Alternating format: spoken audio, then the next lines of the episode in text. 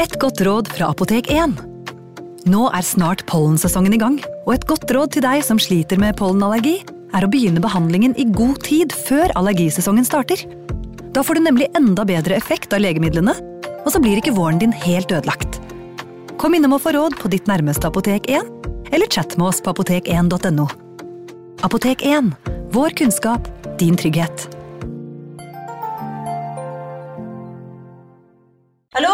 Jeg kommer fra Oslo politikammer. Ine Jansen er purk. Er du purk? The motherfucking bitch. Alt jeg vil, er å finne ut hva som skjedde med mannen min. Jon Carew. Er jeg sikta for noe? Iben Akeli. Det er du. Ole So, Lars Berrum og Big Daddy Karsten. Hvem sin side er du på, egentlig? Anette Hoff, Tone Danielsen, Kommer du fra Afrika? Jørnis Josef, Nesten kløfta. Trond Espen Seim, Det er synd å si det, men det var feil mann som døde. Purk. Premiere tirsdag på TV2 Play. Ungsamtalen fra DNB er økonomisk veiledning tilpasset deg som er ung. Bokk en ungsamtale på dnb.no. slash ung. Det er kjempebra hvis du skal inn på boligmarkedet, hvis det er drømmen din, liksom. Det er det du skulle sagt. Og så kunne du ropt litt mer, da, sånn som jeg gjorde. Bam! Advarsel. Denne podkasten inneholder skildringer av ekte drap og kriminalsaker som kan være støtende for enkelte. Det advares også mot sterke inntrykk i deler av episoden. Det var tidlig om morgenen den 10. april 2001, og mange av innbyggerne i byen Scottsdale i Arizona lå fremdeles og dro seg i sengene sine. Andre sto på badet og forberedte seg på det som burde vært en helt vanlig tirsdag, eller var på vei til jobb. Solen hadde tittet opp over horisonten for en liten stund siden, men det tette skylaget over byen ga verden et blekt og grått preg. Alt tydet på at det ville bli en normal og forholdsvis begivenhetsløs dag i den rolige byen, i alle fall i de fleste nabolagene. I nabolaget Indian Bend, sør i Scottsdale, lå det noe i luften. Naboene til familien Fisher hadde sovet dårlig den natten. Herr og fru Fisher, Robert og Mary hadde kranglet høylytt kvelden i forveien, noe som hadde holdt flere i gaten våkne. Det var slett ikke uvanlig at ekteparet kranglet så naboene hørte det. Når sant skulle sies, var det en ukentlig plage for de andre i gaten. Likevel var det noe spesielt denne gangen. Som regel var det Mary som ropte høyest.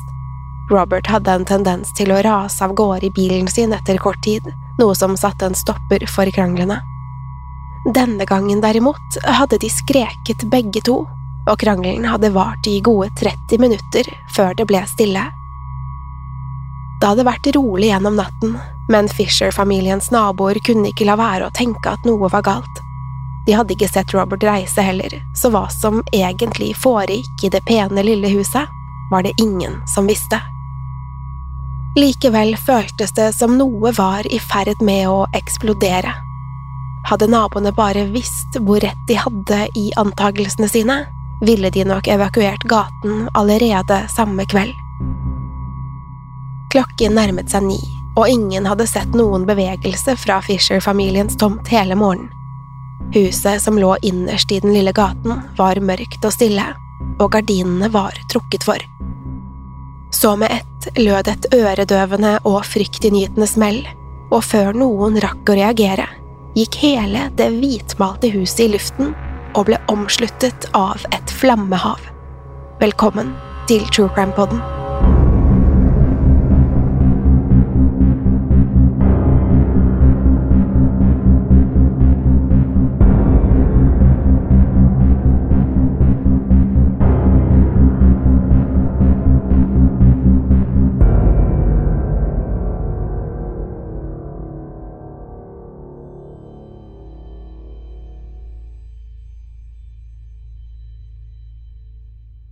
Eksplosjonen i Indian Bend hadde gitt gjenlyd over store deler av byen, men for innbyggerne i nabolaget var den tordnende.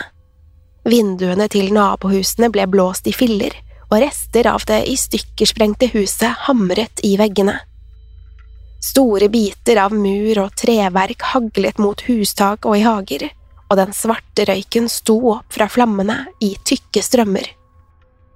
Mange var redde for at en bombe hadde slått ned i nabolaget, og hadde kastet seg ned på gulvet eller over ende på gaten med hendene over hodet.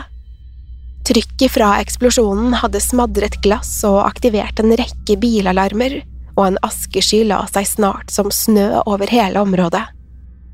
Kort tid etter eksplosjonen ble politiet i Scottsdale nedringt av bekymrede sivile over hele byen.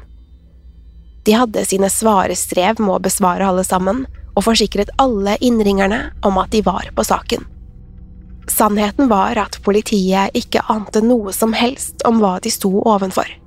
For alt de visste, kunne det være snakk om et bombenedslag, men da patruljer fra alle utrykningstjenester nådde adressen, innså de at det ikke var noe angrep. Flammene slikket mot himmelen og strakte seg seks meter over det som var igjen av huset. Varmen var intens, og det så ut til at noe konstant matet flammene. Brannvesenet satte straks i gang med slukningsarbeidet, men uansett hvor mye vann som ble pumpet på flammene, ville den ikke slippe taket, ikke før hele huset var brent ned til grunnen. Imens forsøkte politiet å kartlegge hvem huset tilhørte, og om noen fremdeles kunne være fanget i flammehavet. Etter å ha undersøkt husets eierskap fant de ut at det tilhørte ekteparet Robert og Mary Fisher. Ifølge naboer bodde de der sammen med barna Bobby og Britney, som begge var i barneskolealder. Det var lite noen kunne gjøre før flammene var slukket, og alle håpet på at familien ikke var hjemme. Politiet fant ut at Robert jobbet på sykehuset Mayo Clinic, men ifølge ledelsen var han ikke på jobb den dagen. Det var heller ingen som hadde hørt noe fra Mary og barna den morgenen, så da røykdykkerne tok seg inn i huset, fryktet de at de ville finne hele familien forbrent. Røykdykkernes hjerter sank da de svartbrente kroppene ble funnet i asken. Likevel var det noe som ikke stemte. Ifølge naboer skulle det være fire mennesker som bodde i huset, men i de nedbrente ruinene fantes det kun tre lik. To av dem hadde åpenbart tilhørt barna i familien, og den tredje var en voksen. Likevel var det enn så lenge umulig å si om liket tilhørte Robert eller Mary. Politiet skulle også snart innse at det manglet én bil utenfor Fisher-familiens hus. Ifølge de som kjente familien, var det Marys bil som var borte, en sølvfarget Toyota Forerunner. Likevel kunne ingen si med absolutt sikkerhet hvem av de voksne som hadde kjørt bilen. Derfor ble både bilen og ekteparet etterlyst, i håp om at noen hadde sett noe. Mens de ventet på svar, avhørte politien familiens naboer og skulle snart danne seg et bilde av Robert og Mary. Familie og venner kunne fortelle at ekteparet hadde møttes som 16-åringer og vært sammen siden den gang. De hadde vært gift i 16 år og hadde fått de to barna Bobby og Britney. De som kjente Robert, kunne fortelle at han hadde arbeidet som brannmann, men at han var blitt tvunget til å skifte jobb etter en ryggskade. Dette hadde vært et hardt slag for Robert, som elsket jobben sin. Etter jobbskiftet hadde han derfor blitt frustrert og sint, noe han skal ha tatt ut på familien sin. Fra utsiden skal familien likevel ha virket relativt lykkelige. De gikk i kirken og deltok i dugnadsarbeid i nabolaget, slik som vanlige familier gjorde. Til tross for det var det mange som mente bestemt at Robert hadde en mørk side. Naboer kunne fortelle at de stadig hørte ekteparet krangle om alt fra jobb og penger til langt mer private ting. Familiens nærmeste naboer hørte alltid Mary rope fortvilet, mens Robert som regel trakk seg tilbake. Det hendte ofte at han reiste fra kranglene og ble borte i flere dager. Jo mer politiet gravde i den merkelige saken, desto flere detaljer om ekteparets privatliv dukket opp, og med det dannet det seg et bilde av et ødelagt forhold. Familien mente til og med at Robert hadde vært utro flere ganger. Ifølge noen få hadde han blitt smittet av kjønnssykdommer etter utroskapen, noe som på ingen måte gjorde hjemmesituasjonen noe bedre. Til tross for det skulle Robert og Mary gjøre det de kunne for å holde sammen. Robert var selv et skilsmissebarn, noe som hadde vært svært vanskelig for han gjennom barndommen. Han ville ikke at hans egne barn skulle oppleve noe slik. Derfor gikk ekteparet i terapi, og en stund så det ut til å bli noe bedre. Likevel slet Mary med å tilgi Roberts utroskap. For politiet så det ut til at det kunne være mer til historien enn mange kanskje innså. Ekteparet hadde åpenbart problemer. Likevel ville de ikke trekke noen konklusjoner før de visste mer, og mer skulle de snart finne ut av. Snart kom rapporten tilbake om likene i huset, og den voksne så ut til å være Mary. Altså var det Robert som ennå ikke var kommet til rette. En etterlysning ble sendt ut på nytt, og denne gangen var det kun Robert politiet ville ha tak i. Samtidig kom det inn flere detaljer om Fisher-familien. De siste fra så sent som dagen før den skjebnesvangre eksplosjonen. Ifølge venner av paret hadde Robert hatt fri fra jobben mandag 9. april. Han hadde brukt dagen på å få unna en del ærender hjemme, og hadde blant annet skiftet olje på sin egen bil. Senere den kvelden hadde Robert fulgt datteren Britney til et arrangement i kirken. Samtidig hadde Mary kjørt sønnen Bobby til et annet arrangement. Alt var tilsynelatende vanlig, helt til alle kom tilbake den kvelden. Det hele hadde begynt som en av de vanlige kranglene paret alltid hadde, men denne gangen hadde det eskalert voldsomt. Både Mary og Robert hadde skreket til hverandre, og det hadde vært så høylytt at flere naboer reagerte. Naboer kunne fortelle at krangelen hadde vart fra rundt klokken ti til halv elleve den kvelden, mye lenger enn ekteparet vanligvis kranglet. Det skulle likevel bli siste lyd fra Fisher-familien. Etter det hadde alt blitt stille. Nå gjaldt det for politiet å finne Robert. Slik de så det, fantes det kun to forklaringer. Enten hadde han reist hjemmefra i sinne og var ikke klar over hva som hadde skjedd med familien, eller så var Robert selv ansvarlig og var på rømmen. Enn så lenge lå puslespillet spredt for politiet, og de var nødt til å legge det for å finne svaret. Snart kom det inn en rapport om at et overvåkningskamera hadde fanget opp noe av interesse kvelden i forveien. Rundt klokken ti over halv elleve, altså ti minutter etter at krangelen var over, ble Robert sett ved en minibank i byen. Der tok han ut 280 dollar. I bakgrunnen på videoen kunne politiet se Marys Toyota. Altså var det Robert som hadde tatt bilen. Derfra skulle alt bare bli spekulasjoner. Det var umulig å si hvor Robert hadde tatt veien etter minibanken. Ingen kunne si noe om hvorvidt han hadde reist hjem igjen, eller om han forsvant etter uttaket. Likevel var det noe ganske annet som krevde politiets oppmerksomhet. Snart skulle det nemlig komme rapporter fra obduksjonen av Mary og barnas lik. Det de fant, var ingenting annet enn grusomt. Alle tre skulle nemlig vise seg å ha vært døde allerede før den voldsomme eksplosjonen. Bobby og Britneys struper var blitt skåret over på tvers. Kuttene strakte seg fra øre til øre og var så dype at de nesten var blitt halshugget. Mary hadde også fått halsen skåret over, men det var ikke alt. I tillegg var hun blitt skutt i bakhodet. Brannskadene på de tre likene var så ekstreme at det var vanskelig å si noe om når drapene var blitt begått. Likevel skulle rettsmedisinerne sette dødstidspunktet til en gang mellom halv ti og kvart over ti. Kort tid senere kom også brannvesenet tilbake med sin rapport om brannen. De kunne fortelle at huset må ha vært dynket i brennbar væske. De kunne ikke si noe om spesifikt hva som var blitt brukt, men flere trodde det kunne være bensin eller annen brensel. Det var likevel ikke alt.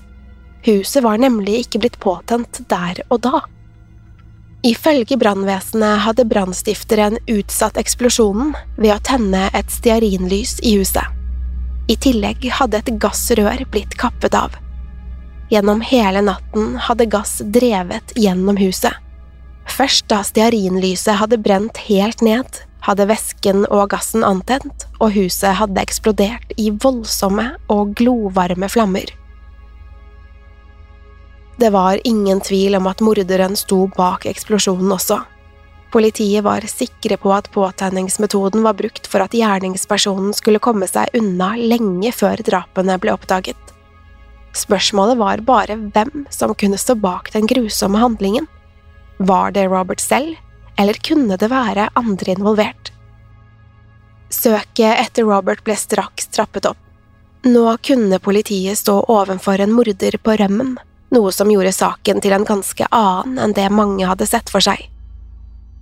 Dagene gikk, og ingen hørte eller så noe til Robert. Familien, som til å begynne med hadde vært overbevist om at Robert ikke kunne være skyldig, begynte snart å tvile. Om Robert var uskyldig, hvorfor dukket han ikke opp? Kunne han ha tatt livet av familien sin og stukket av, eller var det noe annet politiet ikke så?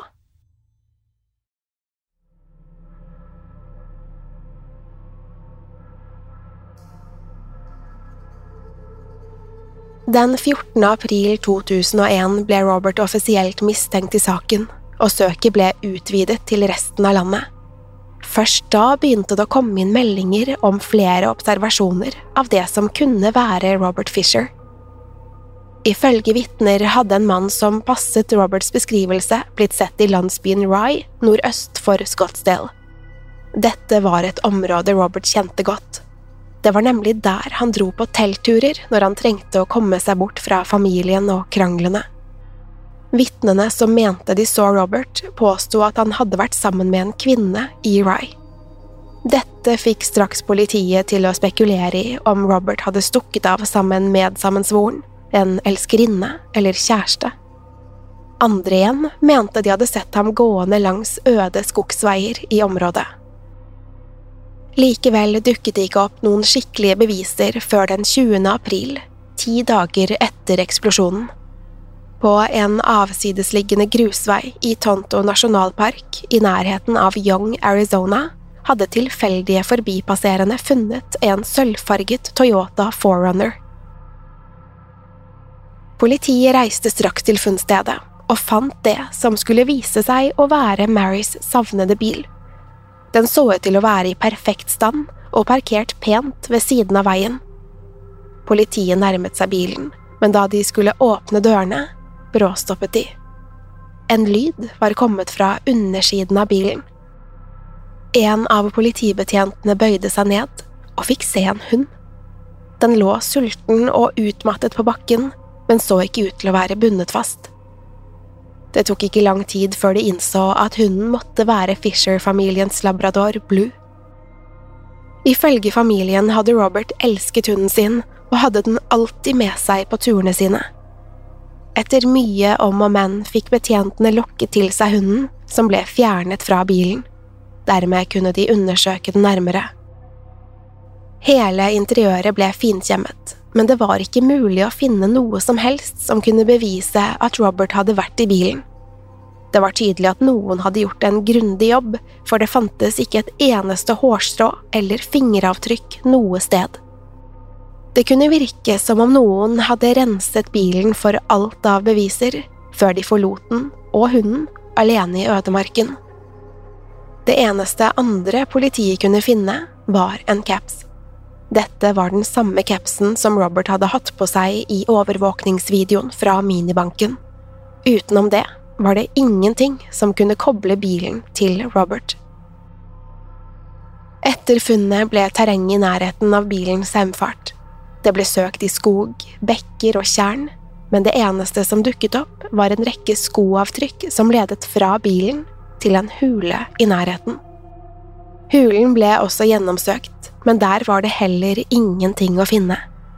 Etter tre dager med søk, både i hulen og skogsområdene rundt, ble politiet nødt til å gi opp. Det fantes ingen flere spor, og Robert Fisher forble borte. Robert var forsvunnet, men hjemme i Scottsdale hadde politiet fremdeles en mordsak å etterforske. Noen hadde tatt livet av Mary, Bobby og Britney, og slik politiet så det, var Robert den eneste mulige gjerningsmannen. Etter månedsvis med søk og etterforskning ble Robert derfor offisielt siktet i saken den 19. juli 2001. Innen et år var gått, hadde FBI listet opp Robert som en av landets mest ettersøkte rømlinger. Listen inneholdt USAs mest notoriske kriminelle, og FBI ba om tips i den mystiske saken. Om noen hadde informasjon som kunne lede til Roberts arrestasjon, tilbød FBI hele 100 000 dollar i finnerlønn. Det plutselige løftet om penger fikk mange amerikanere til å melde inn observasjoner av menn de mente var Robert. Jakten sendte FBI over hele landet, men ingen av tipsene ga resultater. Til slutt hadde hundrevis av tips kommet inn, og de aller fleste ble sjekket ut. Likevel skulle jakten på Robert Fisher forbli fruktløs. I løpet av de neste årene var det mange som mente å ha sett en mann som kunne ligne på Robert, i nærheten av det gamle nabolaget i Scottsdale. Mannen skulle ha blitt sett kjørende rundt i området, hvor han kikket på tomten der Fisher-familiens hus en gang hadde stått. Observasjonene skulle likevel ikke føre til noen arrestasjon. Hvem den ukjente mannen var, forble derfor et mysterium. En stund virket det som det aldri skulle dukke opp nye spor i den merkelige saken. Det var helt til februar 2004, da en rapport kom fra det canadiske politiet i Vancouver. De kunne fortelle at de hadde arrestert en mann som var slående lik Robert Fisher. Mannen skal til og med ha manglet en tann, akkurat der Robert hadde hatt en gullplombe. Som om ikke det var nok, hadde mannen de hadde arrestert, et arr på ryggen.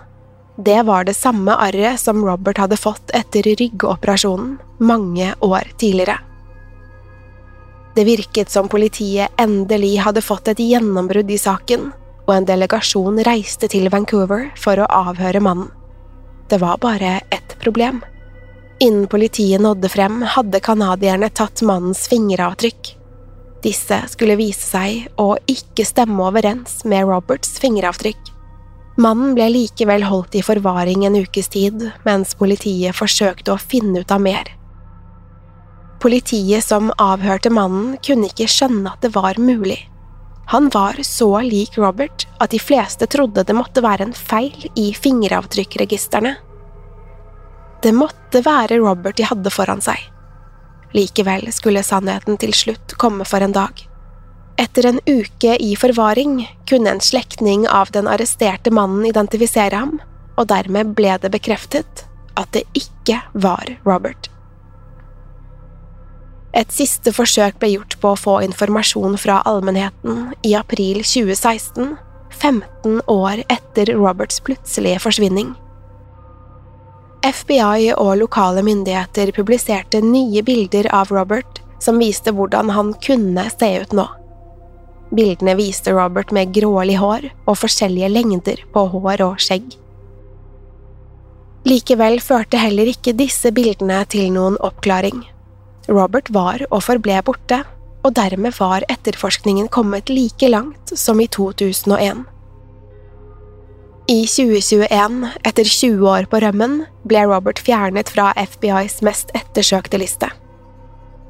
Ingen flere tips var kommet inn i saken på mange år, og det så ikke ut til at den noen gang skulle få en oppklaring. Familie, venner og kjente skulle aldri få vite hvor det var blitt av Robert, og om han sto bak de fryktelige drapene, eller hvorfor han i så fall hadde gjort det. Likevel var det ikke fritt for teorier og spekulasjoner. Mange var overbevist om at Robert var gjerningsmannen, men ingen kunne være helt sikre. Så lenge Robert fremdeles var på rømmen, forble saken et mysterium. Var Robert virkelig en morder, eller hadde noe helt annet skjedd? Noen skulle påstå at Robert aldri hadde gjort familien sin noe vondt, og at han bare var bortreist da drapene ble begått. Ifølge denne teorien fikk Robert høre om drapene og at han selv var mistenkt i saken, og dermed våget han ikke å reise hjem igjen. I så fall kunne han være hvor som helst, i skjul for politiet og omverdenen. De fleste skulle likevel være enige om at Robert på en eller annen måte fikk nok den kvelden i 2001 og tok livet av familien sin. Om det var planlagt eller ikke, var ikke godt å si, men mange mente at han nok hadde fundert på det en stund. Likevel besvarte ikke det det årelange spørsmålet Hvor er Robert Fisher? Også her skulle teoriene være mange. Flere som kjente Robert, hadde påstått at han tidligere hadde hintet om at han var suicidal. Derfor var det mange som lurte på om han kunne ha tatt sitt eget liv, et sted i nærheten av der Marys bil ble funnet. Politiet hadde søkt i området, men ikke spesielt grundig, så det var ikke umulig at Roberts lik lå et sted i skogen uten å bli funnet. Andre igjen mener Robert fremdeles lever og har startet et nytt liv med ny identitet. Ifølge noen teorier bor Robert fremdeles i skogen og lever av naturen.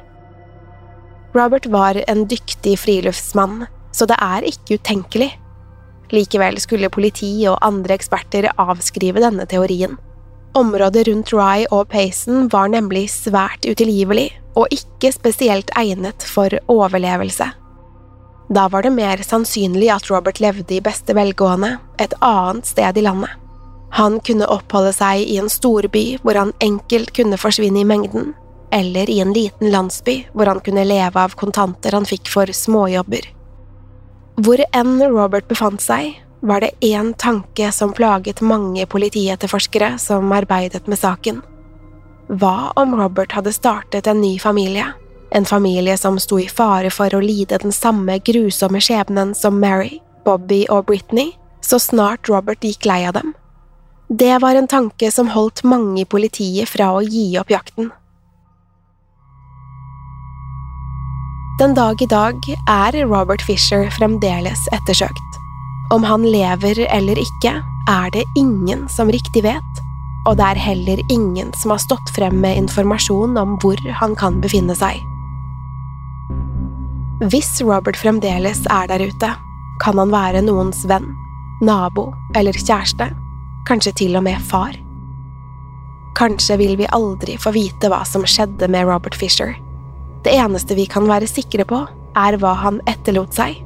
En myrdet og forbrent familie og et lokalsamfunn i bunnløs sorg.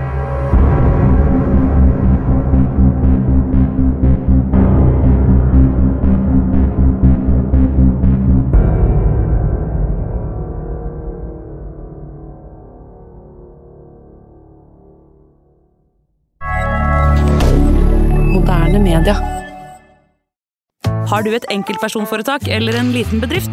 Da er du sikkert lei av å høre meg snakke om hvor enkelt det er med kvitteringer og bilag i fiken, så vi eh, gir oss her, vi. Fordi vi liker enkelt. Fiken superenkelt regnskap. Hei! Takk for at du lytter til True Crime Podden. Skulle du ønske at du kunne høre en ny episode av denne podkasten hver eneste uke? Vel, da er det bare å laste ned podkastappen Untold med en gang. I tillegg til ukentlige episoder av podkaster som Skrekkpodden, Synderne og Henrettelsespodden, får du masse annet reklamefritt og eksklusivt innhold. Last ned Untold i AppStore eller Google Play, og start din 30 dagers prøveperiode i dag. Untold